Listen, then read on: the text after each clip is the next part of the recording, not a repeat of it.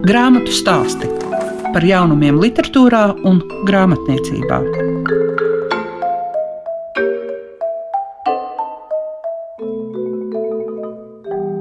Esiet sveicināti visi tie, kas klausās grāmatu stāstus. Un šīs dienas raidījumā mēs pievērsīsimies Evitas Hofmanas stāstu krājumam Durvis. Pati autore ir rakstījusi arī tā, ka, lai jums visas durvis, ko vēlaties atvērt, veras viegli un aizved tur, kur vēlaties nonākt. Es ceru, ka šīs dienas raidījumā jūs tik daudz uzzināsiet par Evitas Hofmanas stāstu krājumu durvis, ka skaidri zināsiet, vai vēlaties to izlasīt. Jo raidījumā dzirdēsiet ne tikai Evitu Hofmanu, bet arī viedokli par šo stāstu krājumu. Grāmatu stāsti tiem, kam grāmatu lasīšana ir vērtība. Evits Hofmanis durvis, tas ir uh, Latvijas mēdīju izdevums, un tie ir stāsti. Evita ir šobrīd līdzās, protams, ka mums ir ļoti daudz sniega visapkārt, un mēs esam atslidinājušās līdz savai tikšanās vietai. Tas, ko es gribu vispirms par šīm durvīm pajautāt. Cik daudz tas ir simbols, cik daudz tā ir metāfora, Jo mēs jau katrs dzīvojam savā burbulī, mēs tā to modīgi saucam. Bet man ir tāda sajūta, ka jums tās ir durvis, šis burbulis. Būtībā šis krājums eh, varētu teikt, ka koncepcija eh, veidojās pēc tam, kad stāsti jau bija tapuši. Tas nebija tā, ka es eh, mētiecīgi rakstīju šos stāstus ar domu, ka kādreiz viņi iznāks stāstu krājumā, ko sauc durvis. Būtībā šis krājums ir tapis sākot no 17. gada līdz pat būtībā šim gadam, jo darbs ar stāstiem, rediģējot un papildinot un uzlabojot, turpinājās līdz pat iznākšanas brīdim. Tāpēc koncepcija radās eh, vienkārši no satura. Tas bija tāds brīdis, kad gāju kājām no darba, un es domāju par to, kas ir šis vienojošais moments, vienojošais elements eh, manam stāstu krājumam. Un piepieši es aptvēru, ka jā, tas varētu būt šīs durvis, kuras būtībā ir visos stāstos. Viņas nav mākslīgi iekompilētas tur. Pēc tam es šīs durvis sāku redzēt visur, visdažādākās durvis, un būtībā šī sajūta manī nav mazinājusies. Viņa tikai pieaug kopš krājuma iznākšanas. Un arī man pašai šī grāmata arī ir durvis, kas ir ilga ceļa gājums, dažādos veidos strādājot ar rakstīto vārdu. Šobrīd es esmu nonākusi jau līdz šai grāmatai, līdz tam, ka man ir šī grāmata, kas arī savā ziņā lasītājiem tās ir durvis uz mani viennozīmīgi. Evita, jūs esat mācījusies Literārajā akadēmijā. Kā jūs vispār nonācāt līdz tam, ka jums ir svarīgi pašai uzrakstīt?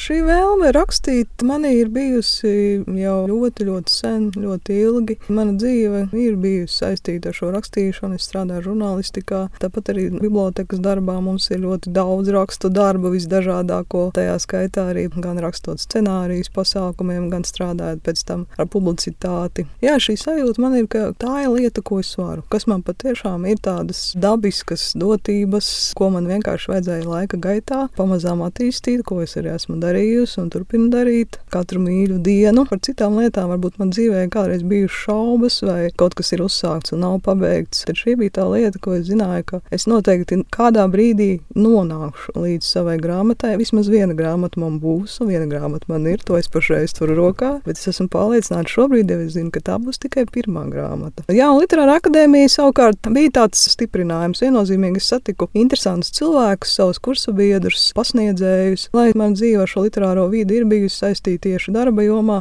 Tā bija atkal cita pieredze, kas savukārt palīdzēja stiprināt manu kā rakstnieces mugurkaulu, kas palīdzēja arī citādāk paraudzīties uz uh, lasāmu vielu, ko es lasu. Es lasu pilnīgi citādāk šobrīd, nekā es lasīju 2017. gada sākumā. Viennozīmīgi es lasu kritiskāk. Interesanti tas, ka es kritiskāk pat uh, tieši lasu latviešu literatūru, tulkotu literatūru netik kritiski.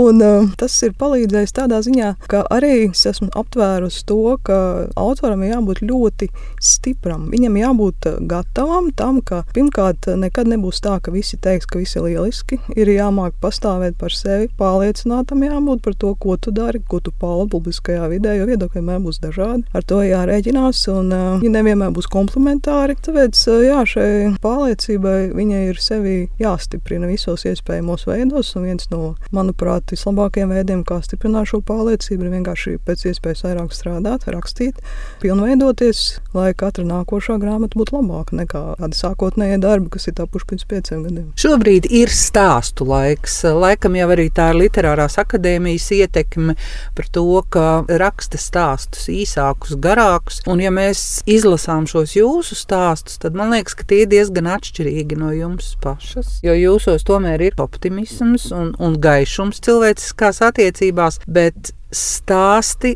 rāda mūsu dzīves tumšāko pusi. Kāpēc jums tas bija vajadzīgs? Acīm redzot, dzīves laikā mūsos uzkrājās daudz dažādas lietas. Gan pašu pieredze, gan lietas, ko mēs redzam, ko mēs dzirdam, ko mēs izlasām. Ir tā, ka šīs lietas kaut kur krājās, un tad pienāk uh, kāds brīdis, kad acīm redzot, viņām, viņām ir jātiek izrēģētām kaut kādā sabiedrībai akceptējumā formā. Protams, ir arī daudzi jautājumi, par kuriem vajag runāt manā redzējumā, šis ir tas veids, kā es varu par viņiem runāt, kā es varu šīs tēmas aktualizēt, kā es varu rosināt cilvēkus domāt. Es lasīju nesen par krājuma recenziju. Man patika, ka recenzijas autori bija uzsvērusi to, ka es necenšos nevienam neko mācīt. Un tāds tā, mans mērķis mērķis arī nav neko nevienam mācīt. Ja kādam ir nepieciešams kāds, kurš viņu pamāca, nu, tad es nebūšu tas īstais autors, kurš centīsies grāmatas beigās uzrakstīt morāles lekciju par to, kā mums tagad visiem dzīvot un kā būt pareizāk. Es noteikti tā nebūšu. Es nemācu nevienu, ja man nejautā. Jā, tie literāri darbi, bet vienlaikus šajā stāstu krājumā esmu arī es. Jā, cilvēks mani pazīst, lasītājs mani pazīst, tad viņš šo puzli saliks. Kaut kur viens elementiņš, kaut kur cits elementiņš. Tur var ļoti precīzi puzli salikt. Vienlaikus tā nav dienas grāmata. Šo krājumu es noteikti negribētu saukt. Tā arī, tā, arī, tā arī nav mana dienas grāmata. Un, tāpēc arī tas ir jāvērtē kā literārs darbs, nevis kā mana dienas grāmata. Es domāju, ka autoriem, ja viņi neraksta ar citu mērķi, rakstīt izklaides literatūru vai zinātnisku literatūru, tad ir citi mērķi. Jā, bet šajā gadījumā es kā jauns autors biju ļoti brīvs savā izpausmēs, tādā ziņā, ka es varu rakstīt to, ko es patiešām vēlos, ko es vēlos uzrakstīt. Neviens mani ne, neierāmēja, es arī neesmu cilvēks, ko ir viegli ierāmēt. Jā, šī grāmata būtībā ir manas brīvības manifestācija. Tā es to vēlētos noteikt. Nu, man ir jāsaka, ir tā, ka kaut arī es arī raksturojot teicu, ka šie stāsti stāsti ir eh, smagi drūmi par grūtām tēmām, bet viņos nepaliek tāda drūma vai smaga pēcgarša. Viņā ir šī vēlme, teiksim, saprast to cilvēku, kāpēc viņš tā vai citādi rīkojies. Un uh, tas, kas man likās arī svarīgi tajos tekstos, kaut arī brīžam teikumi ir pavisam īsi, Katrs no tiem veido savu gleznu, un tikai pieliekot klāt jau nākamo teikumu, tā glezna atkal paliek, vai tā bilde paliek atkal krāsaināka un atšķirīgāka. Un tas tieši tajā rakstības stilā bija tas, kas man uzrunāja. Jā, es domāju, ka tāpat kā es minēju par šo Evits Hofmanas puzli, ko izlasot grāmatu, saliks lasītājs, tāpat arī katrs stāsts, es arī esmu šobrīd jau virknes cilvēku iespaidas dzirdējusi par to, ka ir cilvēki, kurus uzrunā tieši šie smagie, emocionāli, varētu teikt, kaut kādā ziņā pat graujošie stāsti. Jo šeit virkni tēlu tiek tēloti tādās eksistenciāli sarežģītās situācijās, un šādos brīžos cilvēki nav maigi pūkaini un balti kā sniedziņš bērns, kurš tikko uzsnidis. Tāpēc, jā, katrs lasītājs vienam varbūt patiks stāsts Brants. Man ir vesels cilvēku grupa, ko es jau zinu, kuriem Brants, kaut arī tas ir mans pirmais stāsts, viņš, protams, laika gaitā ir ievērojami mainījies tādā ziņā, ka viņš ir uzlabots, bet pat ideja un pats tas vēstījums, viņš nav mainījies. Citus savukārt uzrunās varbūt tieši durvis. Tituls stāsts, kurš viennozīmīgi nav viegla lasām viela, bet rakstot, jā, es jūtu šo vēlmi kā tas bija saistībā ar stāstu durvis. Būtībā tapa pirms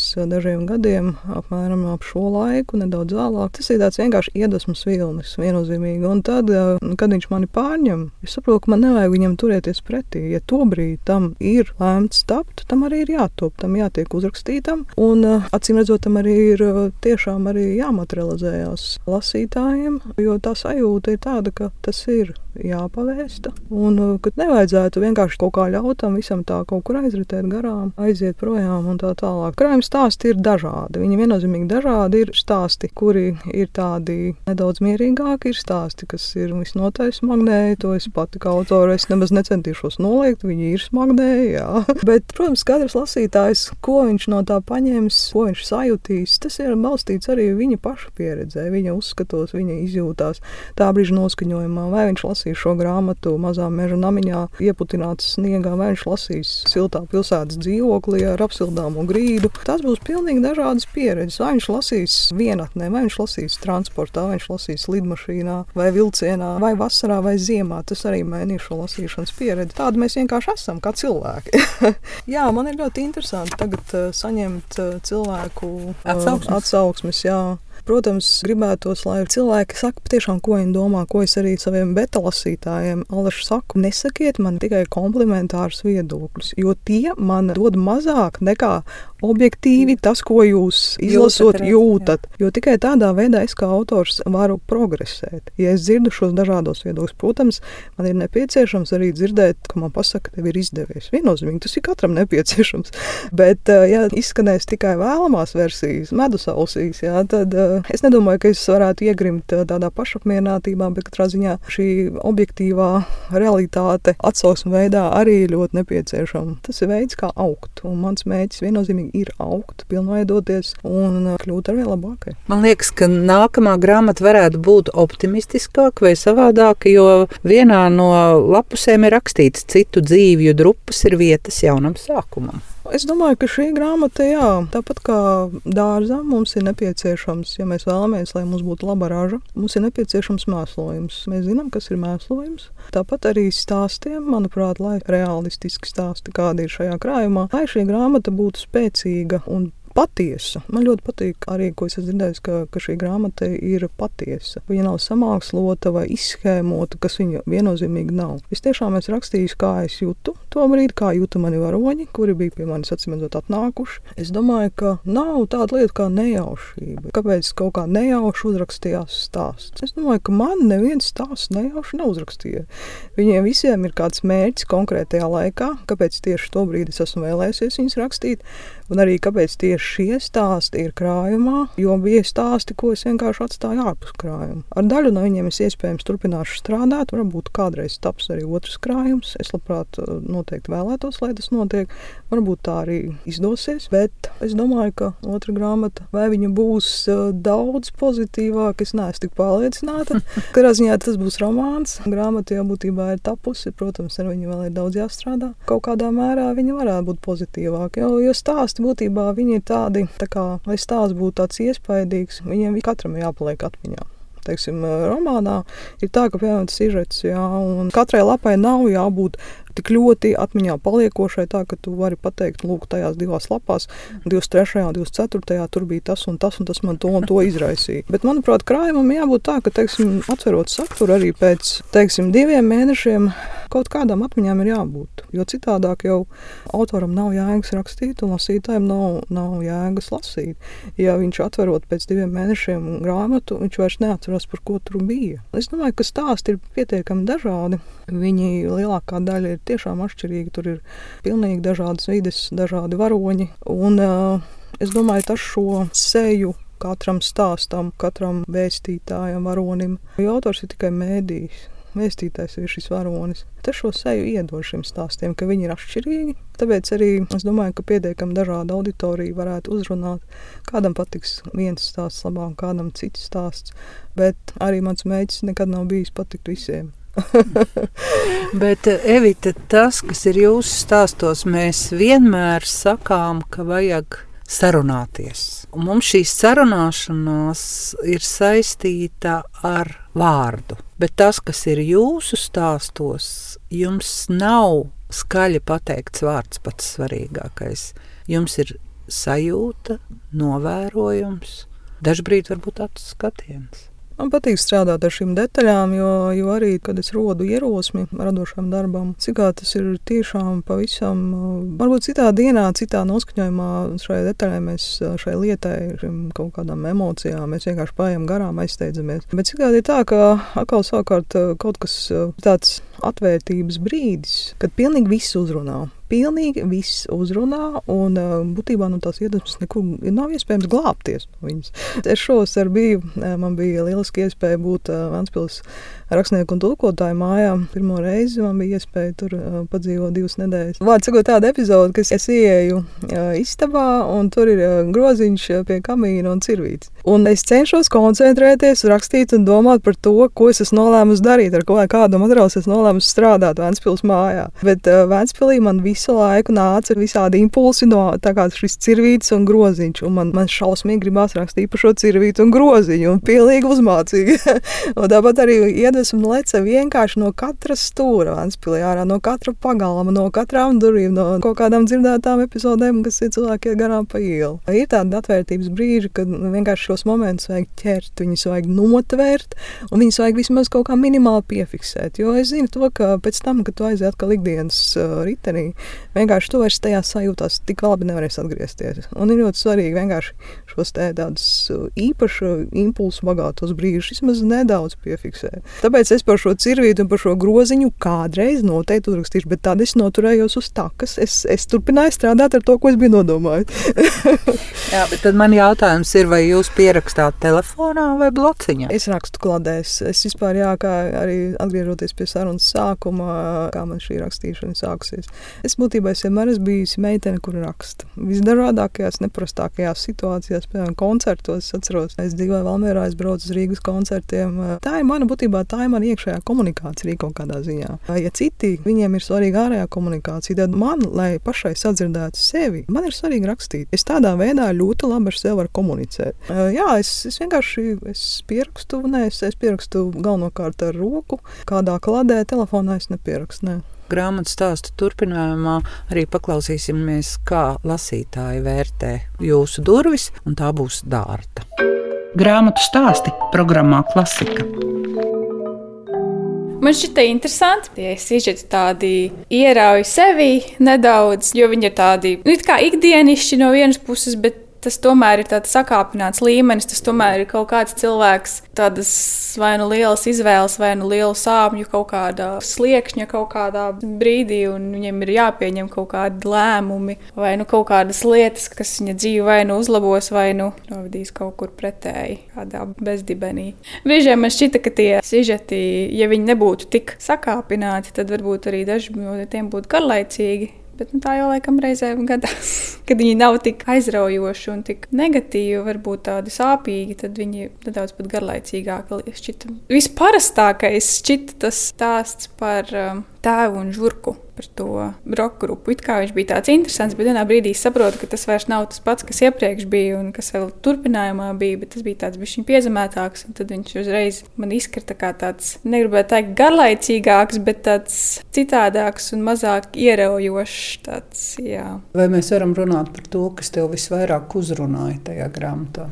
Man ļoti patika aktualitāte, Tas, cik interesanti bija paņemts tas šobrīd sabiedrībā aktuālais covid, pavērsts tāds, tāds ironisks veids, kas notiek, ja tu neievēro pašizolāciju. Nu, tas arī tiek runāts par uh, cilvēkiem, kuriem ir kaut kādi pārdzīvojumi, mentālās problēmas. Protams, tas tā viss nedaudz pat varbūt groteski un it kā reāli, bet nereāli uztaisīts. Tas pats stāsts par to, kā sieviete aprok savu vīru dārzā, un neviens par to arī īsti nekad neuzzina. Nu, tā, tā var notikt, bet nu, vai tiešām tā var notikt? No otras puses, saprotams, tā sieviete iet cauri savām problēmām, un, un tāpat arī es pieņemu, ka tie brāļi izvaroja to meiteni. Ja Ziemassvētku vakarā, tur ir viss, nu, tās situācijas dzīvē ir bijušas tik smagas, un šie stāsti ļoti labi parāda, kur šādi cilvēki, kas var notikt ar cilvēku kaut kādā bezizējas brīdī. Manuprāt, tas ļoti ir aktuāli runāt par tādām problēmām. Kāda tev ir tā kopējā garšas sajūta? Uh, man patika. Tas kopējais man likās arī diezgan veikli uzrakstīts. Lasīju, un es tiešām izbaudīju vairākas vietas īpaši. Tādi diezgan drūmi. Tas nebūtu tāds lasīšanas vakaram, tāda vieglā pirms miedziņa, pasaciņa, bet, bet tas ir tāds nedaudz gotisks, gotisks stila, tāds veiksmīgs darbs, manuprāt, nav stāstu krājums izskan grāmatu stāsti. Šīs dienas raidījumā dzirdējāt Evitu Hofmani, kā arī vērtējumu par šo stāstu krājumu durvis. Atcerēsimies, ka pirmā publikācija Evitai Hofmanai bija 2018. gadā laikrakstā Konteksts, un šī gada nogalē mēs varam runāt par rakstnieces debijas grāmatas iznākšanu. Tie ir stāsti par un ap cilvēcisko būtību. Lai jums tie tīk. Visu labu jums saka Liega Piešiņa. Grāmatu stāsti par jaunumiem literatūrā un grāmatniecībā ik trešdienu, 9.5. ar atkārtojumu Svētdien, 18.15.